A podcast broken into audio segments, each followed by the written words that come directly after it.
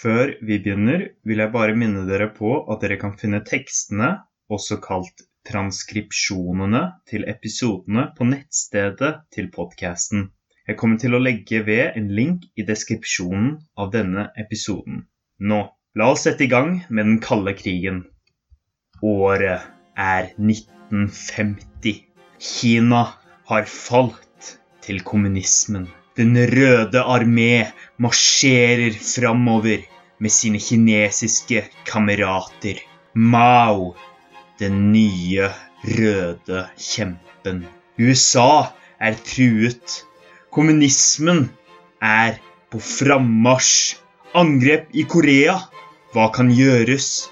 Skal kommunismen få vokse seg enda større? Skal nok et land falle i de rødes hender. Nei, koste hva det koste vil. Europa skal forsvares. Amerika skal forsvares. Ja, men akk, det skal også våre asiatiske brødre i øst. Kom til våpen. Kjemp! Frihet, rettferdighet, brorskap. For disse idealene kjemper vi alltid til døden om vi må.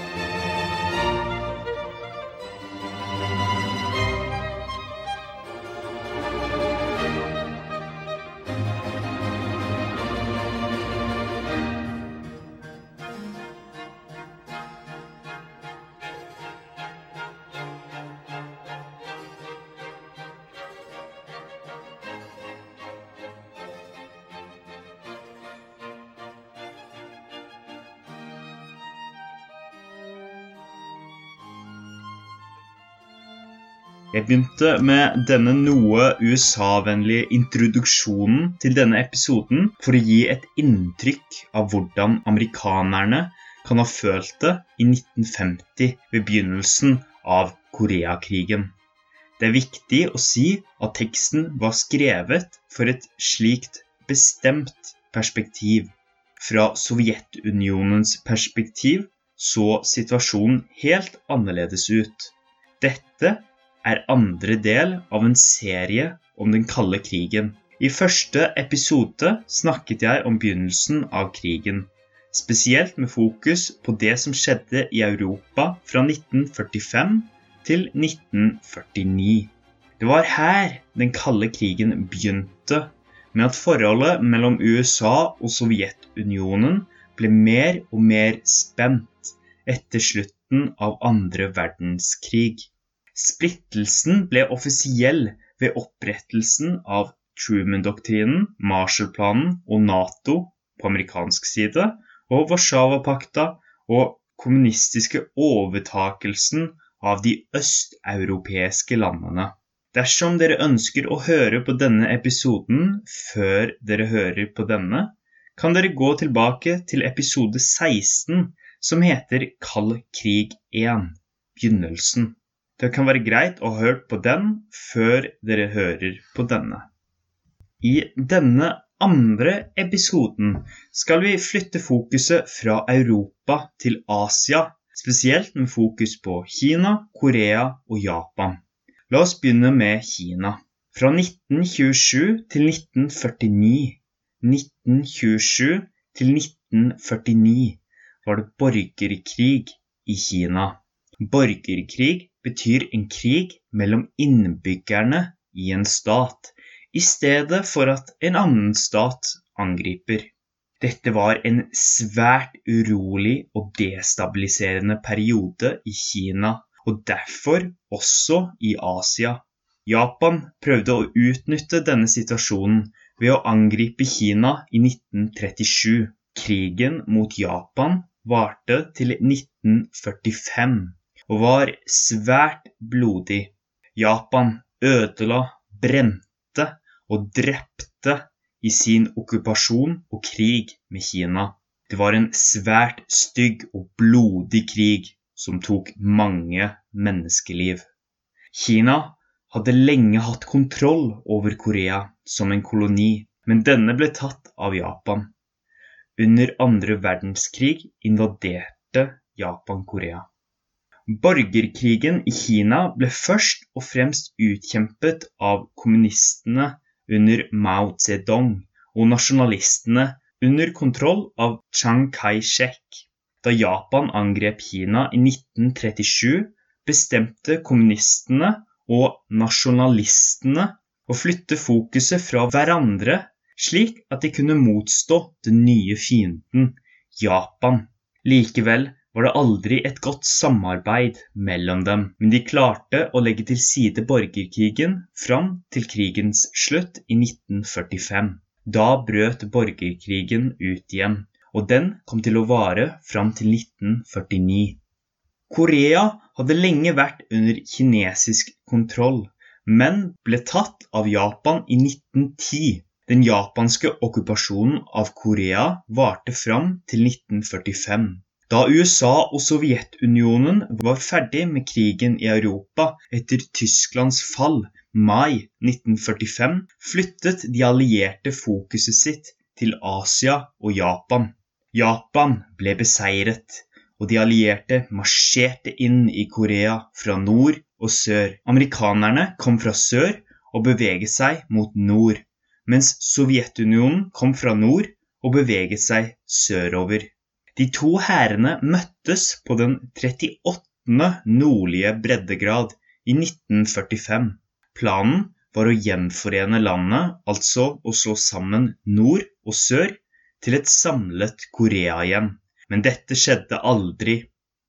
Slik ble Nord- og Sør-Korea født. Akkurat som Tyskland ble delt i en kommunistisk østdel og kapitalistisk vestdel, ble Korea delt i et USA-vennlig sør og et sovjetvennlig og kommunistisk nord. I Kina fortsatte borgerkrigen i 1945. USA ønsket at Chiang Kai-shek og nasjonalistene skulle vinne krigen, men de blandet seg ikke veldig mye inn i selve krigen. USA var mer fokusert på Europa i denne perioden. I tillegg var verken Sovjetunionen eller USA særlig interesserte i å sende inn tropper etter de var ferdige med den kanskje verste krigen i historien. Mange millioner mennesker var tapt. Europa og Sovjetunionen lå i ruiner. Man må også huske på at Kina i denne tiden var et helt annet land enn det er i dag. I dag er Kina et av de sterkeste landene i verden, både økonomisk og militært. I tillegg til at det begynner å bli teknologisk høyt utviklet. Bare tenk på et kinesisk merke som Huwei, som lager god og billig elektronikk, særlig smarttelefoner. Kina på 1940-tallet var derimot et svært fattig land. De aller fleste i Kina var bønder som levde på landsbygda, så verken USA eller Sovjetunionen blandet seg særlig inn i borgerkrigen, selv om USA gjerne ønsket at nasjonalistene skulle vinne. Slik endte det altså ikke. Mao Zedong kom seirende ut av borgerkrigen i 1949. Kina ble kommunistisk. Mao er en av de mest kjente kommunistiske skikkelsene, altså personene, i historien. Kanskje bare bak Marx, Lenin og Stalin. Han har vært, og er fremdeles, et sterkt nasjonalsymbol i Kina for kommunismens seier. Og dette er gjerne høydepunktet i Mao Zedongs karriere. Kinas senere utvikling skulle vise seg å bli vanskelig, f.eks. med det store skrittet framover, jordbruks- og industripolitikk som førte til flere millioner dødsfall. Men i 1949 var han på topp. Han signerte en allianse med Sovjetunionen og Stalin i 1950. Nasjonalistene var likevel ikke utslettet. De flyktet til den kinesiske øyen Taiwan. Senere skulle de, altså Taiwan, få støtte av USA. Det er dette som er bak moderne kontroversen rundt Taiwan og Kina. Kina mener at Taiwan er en rettmessig del av Kina, men det er ikke alle som er enige med det. Da Kina falt til kommunismen, var det mange i USA som ble engstelige, redde. Dersom Kina falt, hva ville så skje i resten av Asia? ville land på land falle til kommunismen. Ville hele Asia bli kommunistisk? Svaret er selvsagt nei, men det kunne de ikke vite da. På samme side var Kina redde for at USA skulle angripe dem. Mao måtte redde revolusjonen ved å styrke dem.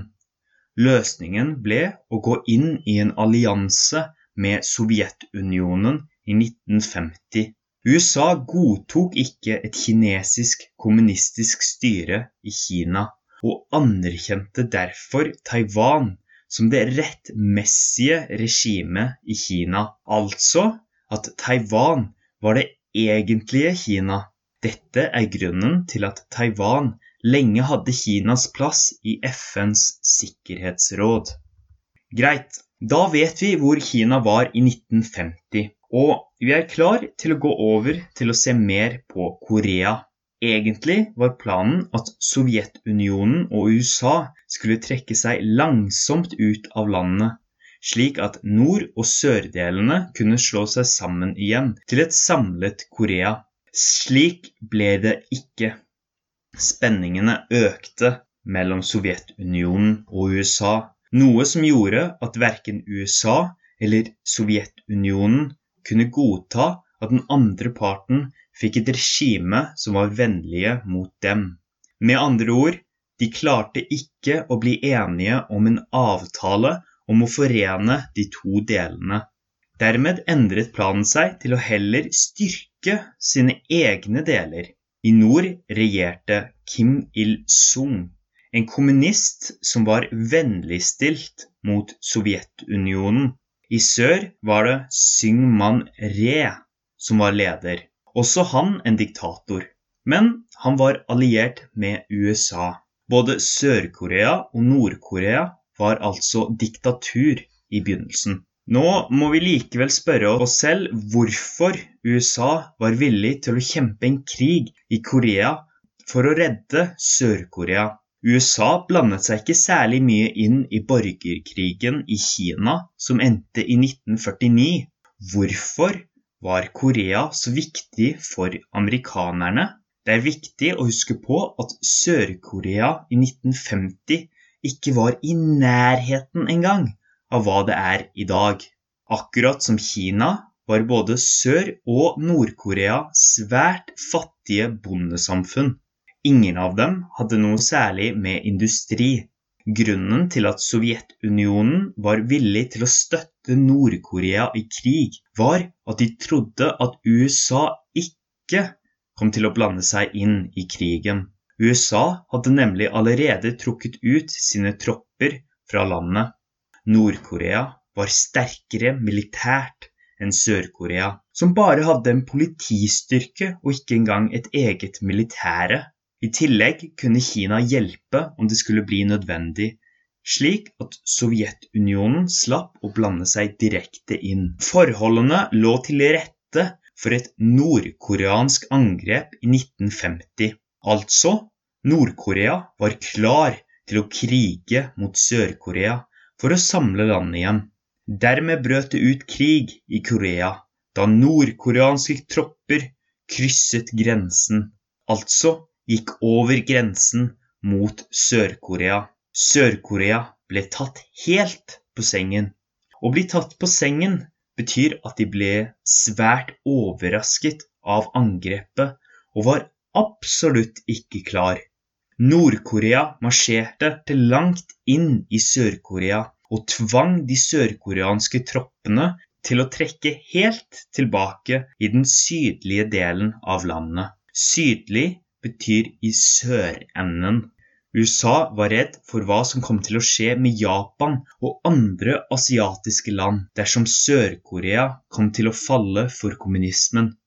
De mistenkte at Sovjetunionen lå bak angrepet, altså at det var Sovjetunionen som var hjernen bak krigen. Dette stemmer egentlig ikke. Det var Kim Il-sung som presset på for krig, men han angrep ikke før han fikk tillatelse fra Stalin. Da Nord-Korea hadde nådd til sørenden av Sør-Korea, begynte USA å svare. Pga. den amerikanske okkupasjonen av Japan, som ligger rett ved, var det mange amerikanske tropper svært nære. USA tilkalte til et krisemøte i FNs sikkerhetsråd. Sikkerhetsrådet i FN i 1950 besto av de permanente medlemslandene Frankrike, Storbritannia, USA, Sovjetunionen og Kina, som alle hadde vetorett. På tidspunktet da Nord-Korea angrep Sør-Korea hadde Sovjetunionen boikottet FNs sikkerhetsråd pga. at Taiwan var tildelt Kinas plass i rådet. Pga. at verken det kommunistiske Kina under Mao eller Sovjetunionen under Stalin kunne eller ville bruke sin vetorett i Sikkerhetsrådet i FN, klarte USA å få FN-støtte i krigen mot Nord-Korea. FN støttet dermed Sør-Korea i krigen. Slik kunne USA ganske lett legitimere, altså rettferdiggjøre, sin krig mot Nord-Korea. USA beveget troppene og fikk dem over til Sør-Korea. Nord-Korea ble tvunget tilbake til den 38. breddegrad, stedet der landet var delt ifra 1945 av. Generalen under det hele, MacArthur, som også hadde kjempet i andre verdenskrig, hadde stor suksess. Han ønsket å presse på videre, altså krysse den 38. nordlige breddegrad. Dette fikk han lov til, og FN-troppene, primært USA, krysset den 38. breddegrad med mål om å forene Korea til et samlet land, helst knyttet til USA og den vestlige sfæren. USA og FN-troppene beveget seg over den 38. breddegrad og inn i Nord-Korea. Vi er fortsatt i 1950. MacArthur ønsket å presse på til hele Nord-Korea var okkupert. Da han begynte å nærme seg nordenden av Nord-Korea, truet Kina med å blande seg inn i krigen på nordkoreansk side. General MacArthur brydde seg ikke og fortsatte å marsjere nordover. Kina gjorde realitet av truslene sine. De sendte flere hundretusener av soldater mot USA og FN-troppene, selv om USA hadde langt bedre og mer teknologisk avansert utstyr, hadde Kina et overveldende numerisk overtak. Kineserne var rett og slett så mange at de kunne kompensere for dårlig utstyr med flere folk. Slik hendte det at Kina og Nord-Korea sammen gikk på offensiven og presset USA tilbake til den 38. breddegrad. General MacArthur ønsket å bruke atomvåpen mot Nord-Korea og Kina for å vinne krigen. Han ønsket å bombe store deler av Nord-Kina for å tvinge dem ut av krigen. Det han derimot ikke visste, var at Sovjetunionen lovet å støtte Kina militært dersom USA skulle angripe Kina direkte. Dersom USA hadde brukt atomvåpen mot Kina, kunne det ha utløst en tredje verdenskrig mot Sovjetunionen. Vi skal derfor være glade for at den amerikanske presidenten Truman nektet å godkjenne bruken av atomvåpen. Ikke bare på grunn av at det kunne ha utløst en ny verdenskrig, men også på grunn av de store ødeleggelsene og menneskelige tapene atomvåpen hadde ført til. MacArthur ble fjernet som general ettersom Truman var redd for hva han kunne komme på å gjøre der nede. I tillegg begynte deres forhold å bli ganske åpenlyst kaldt og dårlig. MacArthur ble derfor fjernet, og krigen stabiliserte seg på den 38. breddegrad. Verken USA eller Nord-Korea og Kina gikk på en ny offensiv. Alt dette skjedde innenfor året 1950. Denne elleville krigen som hadde bølget fram og tilbake helt fra den sørligste spissen av Sør-Korea til den nordligste delen av Nord-Korea, var nå tilbake til det samme punktet som man hadde startet på, den 38. nordlige breddegrad. Slik skulle det også ende, men ikke før i 1953. Hvorfor tok det tre ytterligere år før krigen endte? En av grunnene var at Stalin ønsket at krigen skulle fortsette. Han så på krigen som en god måte å tvinge USA til å bruke ressurser, slik at de ikke gikk på offensiven andre steder. Slik var Koreakrigen en slags sikkerhet for den sovjetiske diktatoren. Da Stalin døde i 1953, gikk det ikke lang tid før Sør-Korea og Nord-Korea signerte en våpenhvileavtale, altså at de skulle stoppe å krige. Korea var fremdeles delt i to parter, Nord- og Sør-Korea, noe landet fortsatt er i dag. Hva var konsekvensene av Koreakrigen? USA viste at de var villige til å forsvare sine allierte selv et fattig bondesamfunn som Sør-Korea ikke lenge etter krigen erklærte USA at de var villige til å forsvare Taiwan. Krigen kan også ha vært viktig i USAs framtidige innblanding i Vietnam. I tillegg brukte USA Koreakrigen som en unnskyldning til å ruste opp Vest-Tyskland. Tyskland var tvunget til å legge bort all våpenindustri etter andre verdenskrig. Men nå så USA at det kunne være bra å ha et sterkere Vest-Tyskland i forsvaret av Vest-Europa. Koreakrigen viste at kommunistene var en stor trussel, og dette gjorde at prosessen med å integrere, få inn, Tyskland i Nato ble lettere. Vest-Tyskland ble en del av Vest-Europa på en helt annen måte etter Koreakrigen. Likevel var ikke krigen noen stor suksess for USA. Krigen endte med uavgjort. Ingen særlig endring av grensene, som fortsatt sto på den 38. breddegrad. For Sovjetunionen var krigen ingen suksess. Den hadde styrket Kina, Kina fikk stor prestisje og ære av å ha kjempet og hjulpet Nord-Korea til å presse tilbake USA. I tillegg hadde krigen gjort det mulig for USA å styrke Vest-Tyskland og sitt forhold til sine europeiske allierte. Situasjonen etter Koreakrigen var derfor dårligere for Sovjetunionen enn den hadde vært før. I tillegg førte krigen til at forholdet mellom Kina og USA forverret seg. Kina og USA forble bitre fiender fram til slutten av 1960-tallet, da forholdet ble noe bedre. Kim Il-sungs Nord-Korea og Syngman Res Sør-Korea vant utvilsomt mest på krigen. Begge diktatorene sikret sin posisjon og sine land. Regimene deres var trygge, og de hadde nå sikret hjelp og støtte fra sine allierte, Nord-Korea og Sovjetunionen på den ene siden, og Sør-Korea og USA på den andre.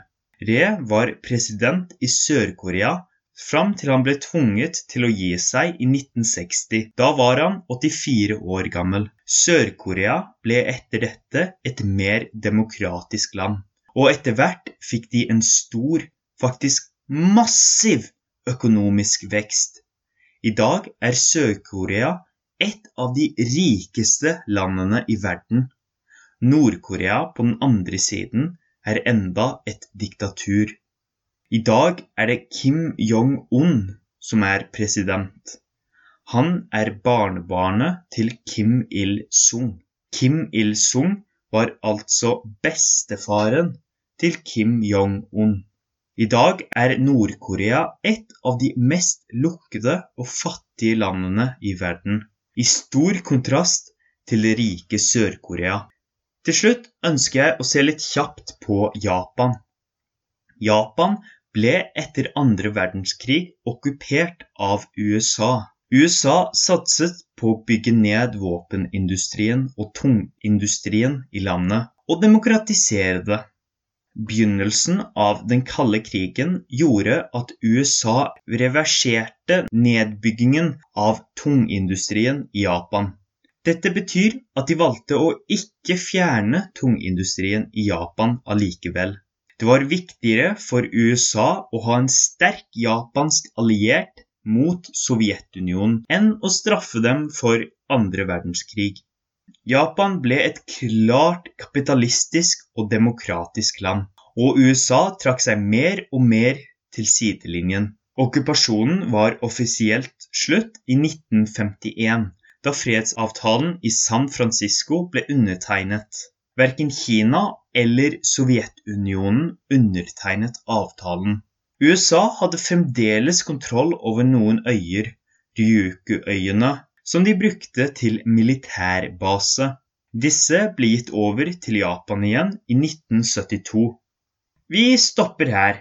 I denne episoden har vi sett hvordan den kalde krigen spredde seg til Asia. Først i Kina og deretter til Korea. Koreakrigen var svært viktig for utviklingen av den kalde krigen.